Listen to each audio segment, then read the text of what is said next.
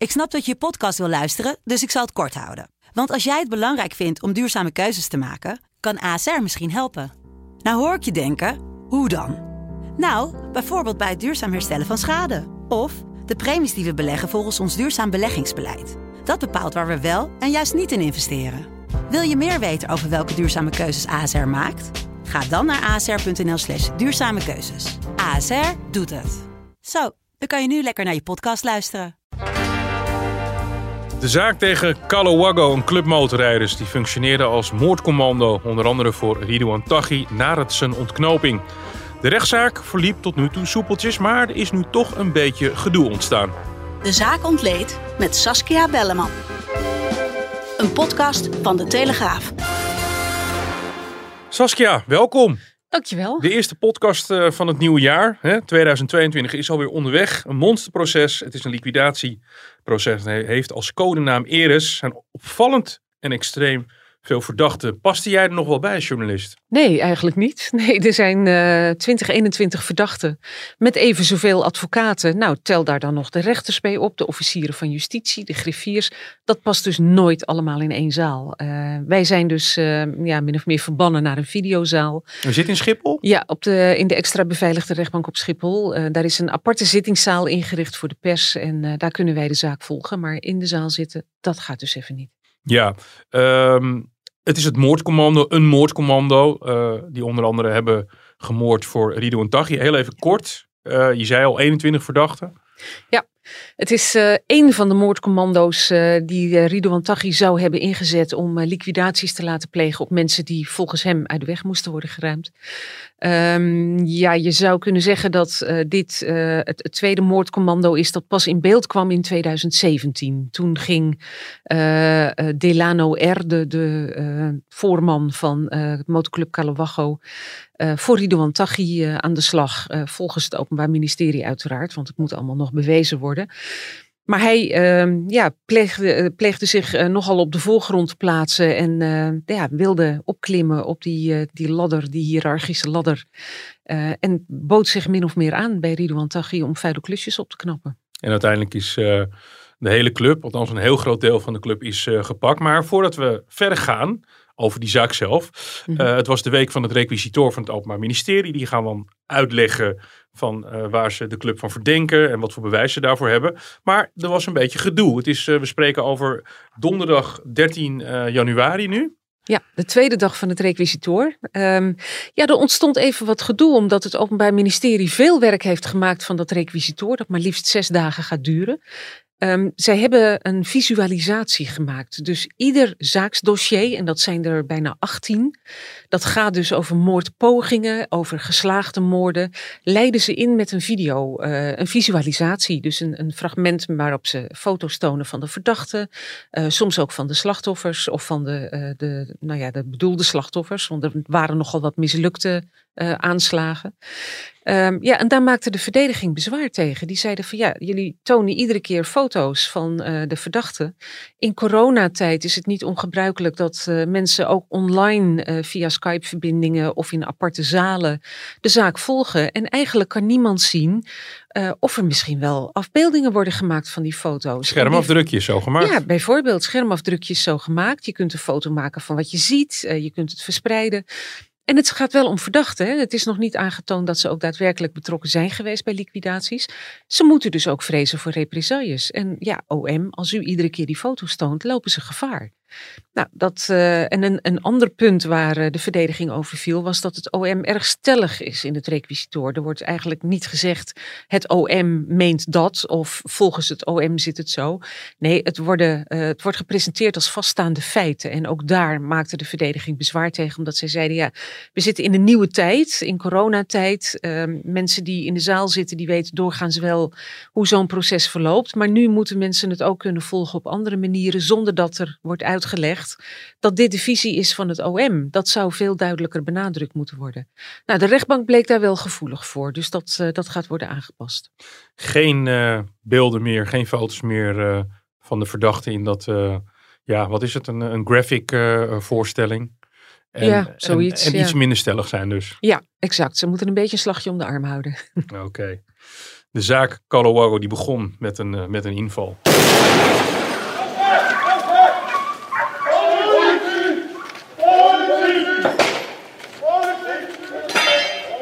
Ja, zoals je op een gegeven moment uh, hield het verhaal op. De politie die viel waar binnen eigenlijk? Bij Delano R. En uh, ja, daar hebben ze van alles en nog wat in beslag genomen. En daar hebben ze hem ook uh, gearresteerd. Ja, en op die gegevensdragers uh, bleek behoorlijk wat belastend bewijs te staan. Het ging om schermafbeeldingen en filmpjes van chats. En die chats die waren uitgewisseld met medeverdachten. Die waren versleuteld, maar dat, dat hebben ze dus weten te ontsleutelen. En daar waren beelden van gemaakt door Delano R. Waarom is een raadsel, want waarom zou je dat doen? Uh, en ja, niet zo heel erg slim. Hij bleek uh, ook zijn duim en soms een heel groot deel van zijn hand te hebben meegefilmd en gefotografeerd. Dus ja, er was ook geen ontkennen meer aan. En het is ook eigenlijk wel tekenend voor wat het OM noemt de soms extreme knulligheid waarmee dit moordcommando uh, te werk ging. Ja, 21 verdachten. ze worden verdacht van vijf moorden en heel veel pogingen en, en voorbereidingen uh, daartoe. Dan heb je het eigenlijk over een, een bijna een on-Nederlands grote groep mensen die uh, de, de, de, firma uh, moord en doodslag zou je ze bijna kunnen noemen. Ja, het is al bijna niet on-Nederlands meer, hè? want we hebben er inmiddels nogal wat. Het, het hoort inmiddels bij Nederland, zou je kunnen zeggen. Ja, die Delano Air, die um, is de hoofdverdachte. Uh, we kennen hem ook als, als Kilo. We gaan zo direct even naar een fragment luisteren. Want hij is, was ooit bekend als uh, de baas van de Haagse straatbende de Crips. Het equivalent van de Amerikaanse Crips uit, uh, uit Los Angeles. Die hadden altijd oorlog met de Bloods. Dat weet ik nog wel als, als kind van de jaren 70. Die opgroeide in de jaren 80. Dat was toen een heel groot ding. Um, je zei net al even heel kort. Um, Rido Taghi, een grote drugshandelaar, had al in eerste instantie een moordploeg. Alleen in 2017 verschoven de opdrachten van de eerste moordploeg naar Calowago. Ja. Ja, dat had alles te maken met het feit dat uh, van de eerste ploeg uh, te veel mensen tegen de lamp waren gelopen en inmiddels vastzaten. Uh, dus ja, Taghi was op zoek naar, volgens het OM dan, op zoek naar een nieuw moordcommando. En Delano R zag een gat in de markt en is daarin gesprongen. Ja, dus uh, binnen de onderwereld ging het van mond tot mond. Uh, we zijn op zoek naar uh, nieuwe, nieuwe, nieuwe werknemers, ja, nieuwe, ja, nieuwe zal krachten. geen advertentie hebben gezet. Maar Nee. het, het is natuurlijk in die wereld is dat duidelijk ja, dat, daar, dat daar klussen te halen waren. En ja, dat daar goed voor betaald werd. Dus dat, dat was aantrekkelijk. Ja, ik zei het net al, Delano R. Uh, een zware crimineel. Althans, hij is nu nog verdachte. Maar hij heeft wel zeker een, wel degelijk een, een, een verleden als crimineel. En uh, hij was eerder leider van de Haagse straatbende The Crips.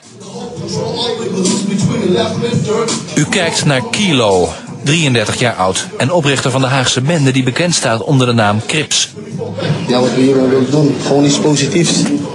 Dit bewijst gewoon dat, dat wij niet alleen maar rottigheid uithalen en praten over dit. En mensen zeggen dat wij criminelen zijn of, of, of, of dat we altijd met politie naar komen. Nee, we zijn ook heel veel met muziek bezig. Ook met muziek bezig. Calowago ja. uh, is, is de opvolger van de Crips. Ontstaan uit een fusie, hè?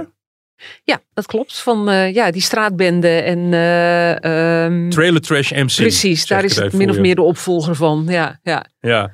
Weten we wanneer de relatie tussen Tachi en Calowago ongeveer ontstaan is? Hebben we daar een vermoeden van? Ja, dat is waarschijnlijk zo rond 2017 gebeurd. Um, je zou ook kunnen zeggen dat dat de scheidslijn vormt tussen het proces Marengo en het proces Eris. Uh, Marengo gaat over moorden die zijn gepleegd tussen 2015 en 2017 ongeveer. Uh, en Eris begint waar Marengo stopt uh, in 2017, januari 2017. Uh, dus ja, in beide gevallen wordt Ridouan Taghi ervan verdacht een belangrijke speler in het geheel te zijn. Alleen Taghi staat niet in dat Eris-proces terecht. Uh, ja, uit proces-economische redenen. Het OM gaat er ook van uit dat ze in uh, Marengo erin zullen slagen hem tot levenslang veroordeeld te krijgen. Ja, en dan moet je je afvragen wat het nog voor zin heeft om hem ook in Eris terecht te laten staan. Want meer dan levenslang kun je Nederland niet krijgen.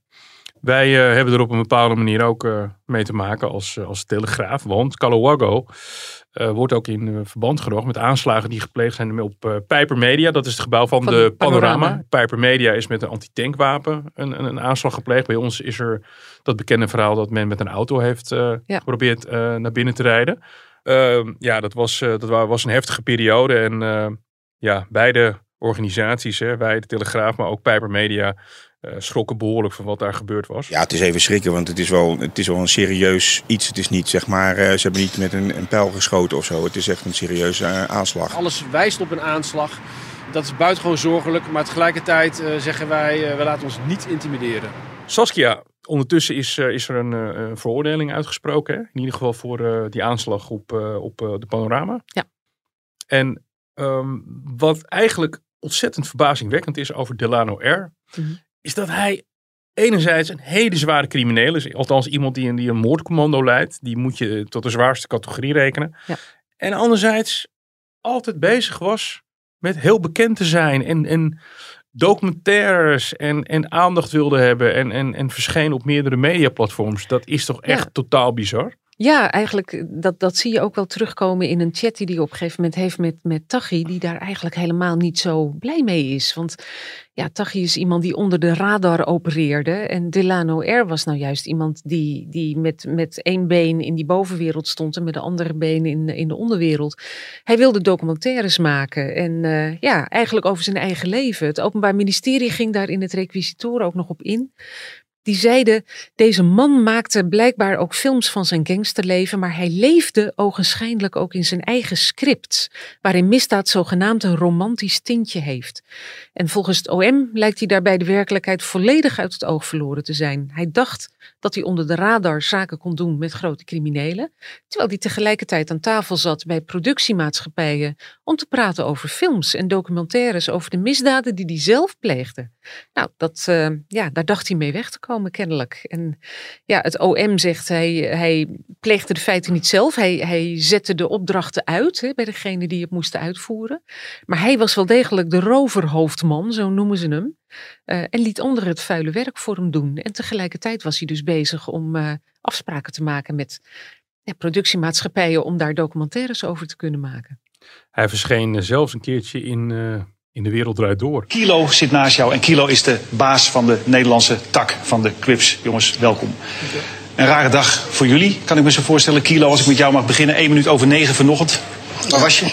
Ik, mm, ik was gewoon thuis, nog aan het slapen. Dus, eh, Lag je te slapen? ja, één minuut voor negen bedoel je? Of 1 toen minuut over? 9 is, het, is, is hij geëxecuteerd. ja, ja. ja. Toen Lag je te pitten? Ja, ja, toen lag ik gewoon te pitten. Je bent er gewoon doorheen geslapen. Tuurlijk. Ja. Ja, en ik weet nog waar dit over ging. De leider van de Crips, een van de oprichters, een Amerikaan die Tookie Williams heet. Tookie was een bijnaam, die was geëxecuteerd. Eh, en daarvoor was hij bij Matthijs eh, van Nieuwkerk. Ja, dit, het, het blijft bizar als ik, dit, als ik dit afzet tegen waar hij van verdacht wordt. Ja. Dat hij zo die, die media opzocht. Kan jij, heb, jij dat, dat heb jij toch ook nog nooit eerder meegemaakt? Nee, helemaal niet. Maar ja, je, je zou ook kunnen zeggen dat het misschien een, eh, een heel mooi rookgordijn was. Misschien zag je het ook wel zo. Zo van iemand die zo in de openbaarheid treedt, kan toch nooit zich met dat soort dingen bezighouden.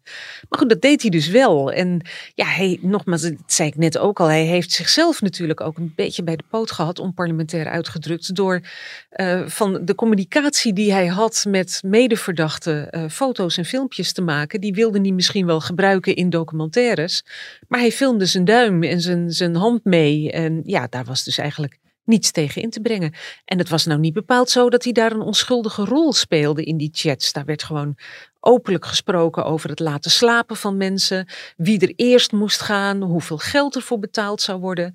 Er werd informatie uitgewisseld over waar ze een doelwit konden vinden, ehm, wie daarop af moesten, eh, wie de wapens, de vluchtauto zou regelen, of misschien eh, de vluchtauto in de fik moest worden gestoken, bij voorkeur met, met een slachtoffer erin. Er werd zelfs openlijk gesproken over eh, drive-by shootings om iemand eh, te kunnen liquideren. En ja, als dan toevallig de vriendin en het driejarig dochtertje erbij in de buurt waren, nou, never mind, eh, neem die dan ook maar mee. Daar zaten ze ook niet mee. En dat waren allemaal ja, chats waaraan Delano toch ook eh, deelnam in een overduidelijk leidende rol. Hij komt op mij over als iemand die werkelijkheid en fictie op een of andere manier.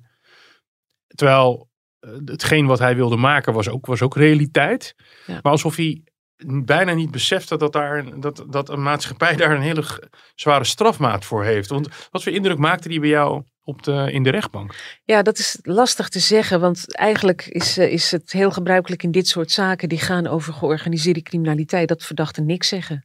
Uh, of ze ontkennen of, of uh, ze beroepen zich op hun zwijgrecht. Dus ja, er is eigenlijk niet zo heel veel te zeggen over de houding die hij inneemt. Hij, je zult in ieder geval hem nooit horen zeggen dat het hem spijt, want ja, hij ontkent of hij zegt gewoon niks.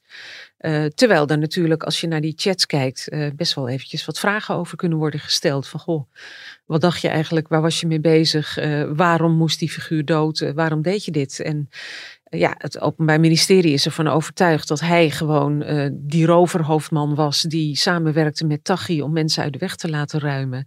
En die samenwerking, zegt het OM, uh, is catastrofaal uitgepakt. Vijf doden en een hele reeks mensen die uh, nou eigenlijk door het oog van de naald zijn gekropen. Wat wel gezegd werd, was dat hij in politieverhoren vrij breedsprakerig was, hè?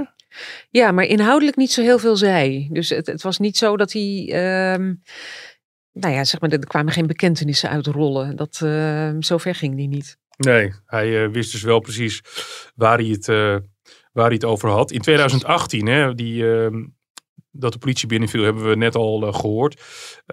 we vonden daar al veel bewijs. PGP-telefoons. Ehm, en daar ehm, kwam ook een hele trits aan, aan bijnamen uit, hè? Ja, dat is echt, dat maakt natuurlijk dat uh, die PGP-berichten ook meteen zo lastig. Het is een, uh, een enorme hoeveelheid bewijs. Die, die berichten die zijn uitgewisseld via Pretty Good Privacy telefoons. Die waren versleuteld. Nou, die zijn leesbaar gemaakt. Maar het is natuurlijk niet zo dat je dan ziet dat Ridouan Taghi een bericht stuurt naar Delano R. Ze, ze bedienden zich van bijnamen. en dan moet je zien uit vogelen wie nou precies achter welke bijnaam schuil gaat. Nou, om een voorbeeld te noemen, Ridouan Taghi bediende zich volgens het OM van bijnamen als Enemy for All Motherfuckers, um, Ticket to Hell for Motherfuckers, Heaven and Hell for My Enemies, No Justice, No Peace, Act of War, Angel of Dark, Last Man Standing, Pandora Box is Open. Ik kan nog wel even doorgaan, maar al die namen worden dus toegeschreven aan Ridouan Taghi. En Delano R. had er iets minder, maar had er ook aardig wat. Uh, die had wat ingewikkelder namen. Die noemde zichzelf C. Murder of C. Murda. Uh, maakte ook gebruik van uh, ja, cijfer- en lettercombinaties. C40, CB1, D45. Dat was volgens het OM steeds maar Delano R. Nou, dat zijn natuurlijk elementen waar de verdediging ongetwijfeld nog op gaat, uh, gaat inzoomen. Die zullen bestrijden dat hun cliënt schuilgaat achter die bijnamen. En dat, het geldt dus voor alle verdachten. Niemand in dat hele proces um, deed dat onder eigen naam. Ze bedienden zich allemaal van andere, ja, een soort van codenamen. Codenamen voor de PGP. Opnieuw ja. geeft dit je gevoel van een heel kleurrijk palet uh, van mensen die, terwijl we weten wat er in de werkelijkheid aan gruwelijkheden heeft plaatsgevonden, maar dat ze toch opnieuw in een soort van fantasiewereld leefden waar, waarin het niet echt was of zo. Ja, dat zou je haast denken. Ja, of, of ze zijn daadwerkelijk niets ontziend en, en zitten nergens mee. Het is ook opmerkelijk om te zien in dat hele dossier hoe gezworen vrienden van de ene op de andere dag vijanden kunnen zijn. Uh, hoe mensen eerst horen bij een bepaalde club en dan vervolgens om wat voor reden dan ook worden uitgestoten en, en ook vermoord. Uh, de eerste moord waar Eris over gaat is die op een man uh, die verantwoordelijk werd gehouden voor de vergismoord, die, uh, waar ook kroongetuige Nabil B. van het Marengo-proces bij betrokken was.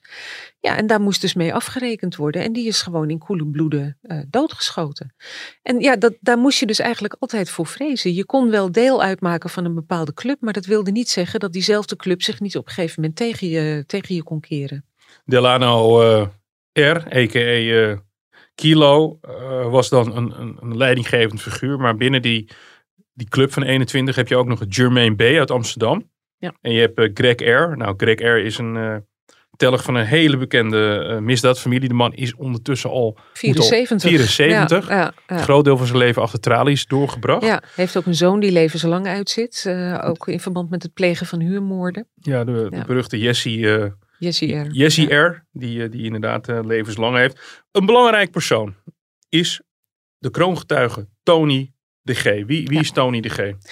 Ja, Tony de G heeft uh, een tijdje deel uitgemaakt van uh, de club van Delano R. Uh, dat is eigenlijk door omstandigheden gebeurd. Je zou kunnen zeggen dat Tony de G wel een crimineel was. Hij handelde in drugs. maar ja, door allerlei omstandigheden raakte hij twee partijen drugs kwijt. Um, en dat werd hem aangerekend. Hij liep dus gevaar en is toen vervolgens, uh, heeft hij aangeklopt bij Delano R voor bescherming. En ja, is toen vervolgens die, die club van Delano R ingezogen. En werd ook ingeschakeld bij uh, moordopdrachten, het uitvoeren van moordopdrachten.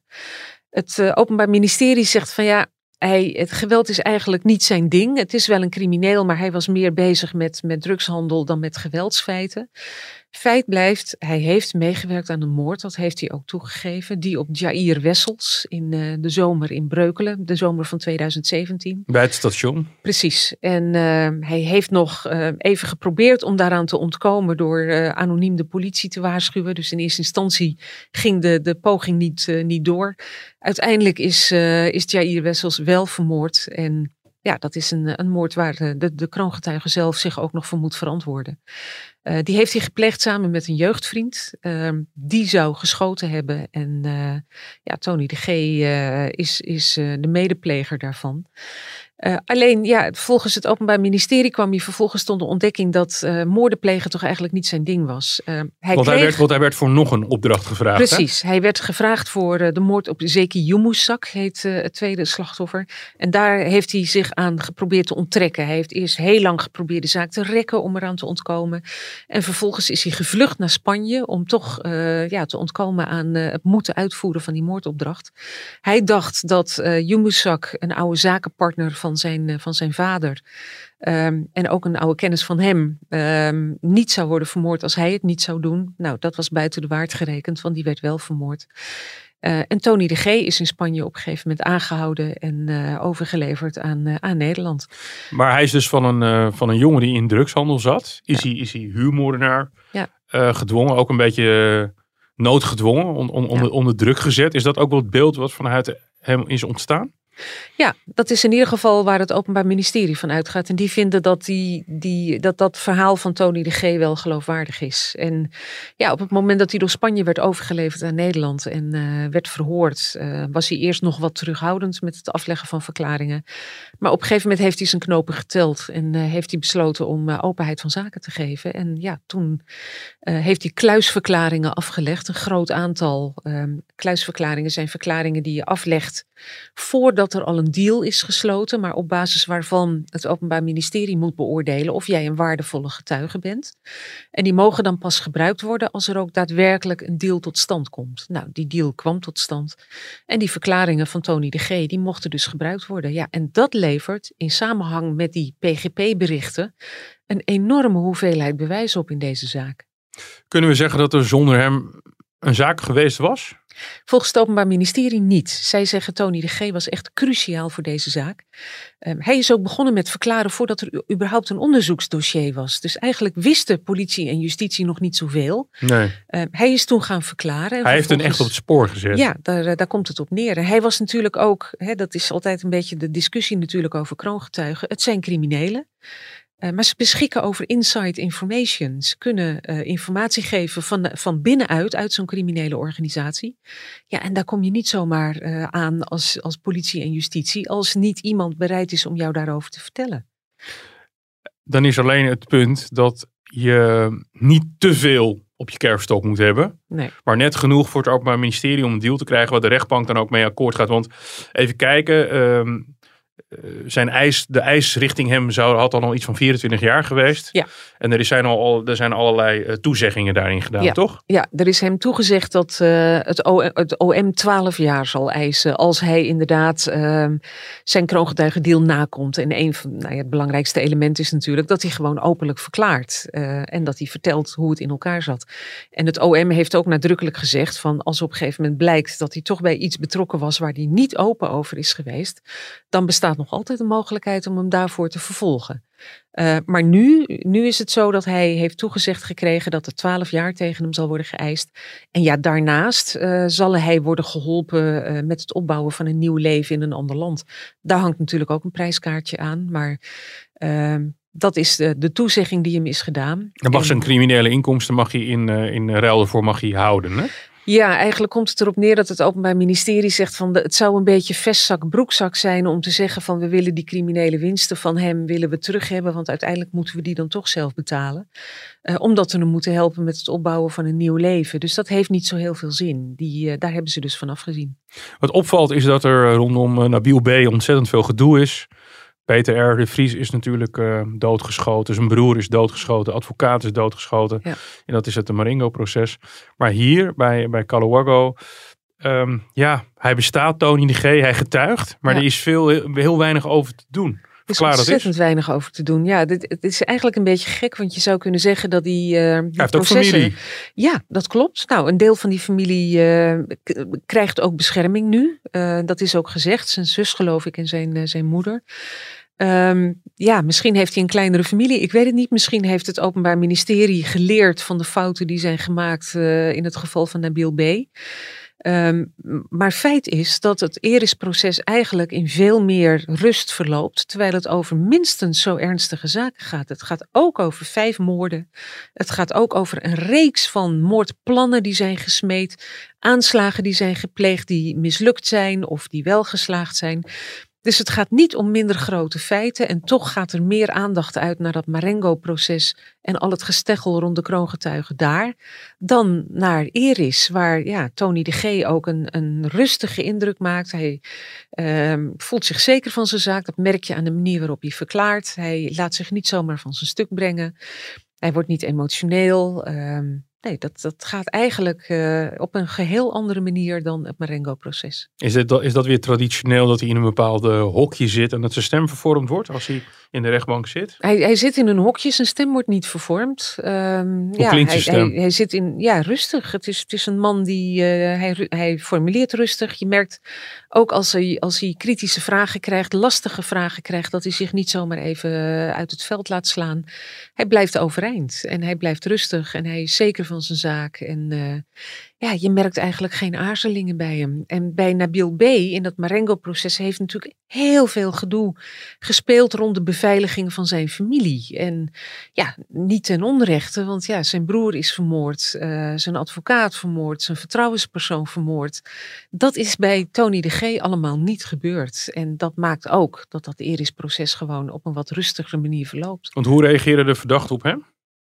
Ja, die zijn natuurlijk net zo boos. Ehm, hij zou eh, die moord ehm, hebben gepleegd samen met zijn jeugdvriend op uh, Jair Wessels. Maar die jeugdvriend zegt nu, eh, dat is Michel K. geloof ik. Michel K. Ja. Die, die zegt dat hij bij veel meer moorden betrokken is geweest. Ja, die heeft natuurlijk wel een, een appeltje te schillen met zijn, zijn oude vriend. Dus het is, het is interessant om te horen wat daar verder nog uitkomt. Maar het Openbaar Ministerie die, die, die volhardt erin dat, dat, dat daar geen sprake van lijkt. Dat, dat hetgeen wat hij heeft opgebiecht, dat het, dat, dat het ook is. Ja, zij zeggen van kijk, wij, gaan natuurlijk, we varen niet blind op de verklaringen van een kroongetuige. En wij weten ook wel dat kroongetuigen per definitie geen koorknaapjes zijn. Het zijn gewoon criminelen. Dus ja, je, je kunt ze niet altijd op hun blauwe ogen geloven. Uh, dat betekent dat alles wat hij heeft verteld ook is geverifieerd en gefalsificeerd. Dus er is gekeken naar, is er aanvullend bewijs voor te vinden? En dat hebben ze gevonden. Uh, zij zeggen van ja, eigenlijk sluiten zijn verklaringen exact aan op bijvoorbeeld die PGP-berichten die wij hebben gevonden. Uh, en ook op ander bewijs. Uh, bewegingen van telefoons, bewegingen van auto's die, uh, die in beeld zijn gebracht. Gesprekken die zijn afgeluisterd. Dus ja, het Openbaar Ministerie heeft geen reden om te twijfelen aan zijn betrouwbaarheid. Iedereen zwijgt of ontkent hè, van alle 21 verdachten. Want je merkt bij Maringo, je hebt de kroongetuigen, maar je merkt daar ook onder andere in uh, de reportages van collega John van de Heuvel op Videoland, dat er in de periferie rondom Tachi, er zijn nu toch een aantal mensen die wel eens wat zeggen. Ja. Maar hier als het gaat om Eris is het één blok. Iedereen ja. is stil. Ja, je hoort eigenlijk bijna niks. Het is, het is rustig. Uh, niemand, niemand wil iets zeggen. Nou zie je bij Marengo ook wel uh, dat een van uh, zeg maar de leden van de familie R uh, zich wel weert. Dat is uh, een, een goede vriend geweest van kroongetuige Nabil B. Nou, je merkt dat, dat daar spelen de emoties af en toe heel hoog op. die roert zich wel degelijk als het gaat om dingen die de kroongetuige beweert. Ehm, maar dan gaat het natuurlijk meer over uh, wat de kroongetuige zegt. En als hem wordt gevraagd naar, uh, naar concrete verdenkingen, dan opeens vertelt hij niet meer zoveel. Nou, en dat, dat zie je eigenlijk in al die processen rond de georganiseerde criminaliteit. Dat uh, de verdachten niets willen zeggen over hun betrokkenheid. Dat ze zich beroepen op hun zwijgerecht. ze halen hun schouders op. Ehm, ze vertellen gewoon niks. Dus het moet echt helemaal komen uit het bewijs van uh, ja, dat het Openbaar Ministerie verzamelt. En ja, als de verdediging daar voldoende tegenin weet te brengen, dan uh, moeten we nog maar afwachten hoe de rechtbank daarover oordeelt. Calawago, de motorbende aan zich, die is al, uh, al verboden door de, door de rechter. Ja, dat, het, ik bedoel, de motorclub als zodanig bestaat officieel niet meer. Nee. Uh, ja, je weet natuurlijk nooit of ze zich op een andere manier weer verenigen in een ander soort club. Dan kan het uh, Openbaar Ministerie weer overnieuw beginnen. Maar het, uh, de motorclub als zodanig bestaat niet meer. Maar goed, dat staat los natuurlijk van de verdenkingen in Eris. We hebben nu de requisitor van, van het Openbaar Ministerie. Die hebben dagenlang nodig. Uh, nou, we hebben natuurlijk eventjes nu uh, dat ze wat aan, dingetjes moeten aanpassen. Daar hebben we het in het begin over gehad. 21 verdachten, dat betekent dat de advocaten heel erg lang bezig zijn straks. Ja, die gaan uh, weken pleiten. ja, en er valt natuurlijk ook genoeg tegen de verdenkingen in te brengen. Hè? Dus daar, daar, zullen ze ook echt de tijd voor nemen. Dus dit gaat nog wel een paar maanden duren. Ehm, de uitspraak wordt pas verwacht als alles volgens plan verloopt in juli van dit jaar. Maar het is nog altijd een stuk sneller dan Marengo. Ja, 21 uh, verdachten. We hebben het al over die hoofdverdachten gehad. We hebben een, uh, een paar andere namen genoemd van mensen die wat meer senior zijn. Mm -hmm. Waarschijnlijk zal niet voor iedereen even hard gemaakt kunnen worden wat hun rol nou precies is. Nee, ja, dat is toch altijd een beetje de handicap van dit soort hele grote processen. Je hebt natuurlijk de, de, de, vermeende leiders van een organisatie, zoals Delano R., uh, Greg R., Jermaine B., Uh, en daarnaast heb je, heb je de uitvoerders of je hebt de meelopers die gewoon een veel kleinere rol speelden. Nou zit ook niet iedereen meer vast van de Eris-verdachte. Dat heeft natuurlijk alles te maken met nou ja, de aard van de verdenking. Uh, als die minder zwaar is, dan zullen uh, verdachten eerder uit voorlopige hechtenis worden geschorst. of de voorlopige hechtenis wordt opgeheven en dan hoeven ze alleen nog maar te komen als er, als er zittingen zijn die gaan over hun dossier.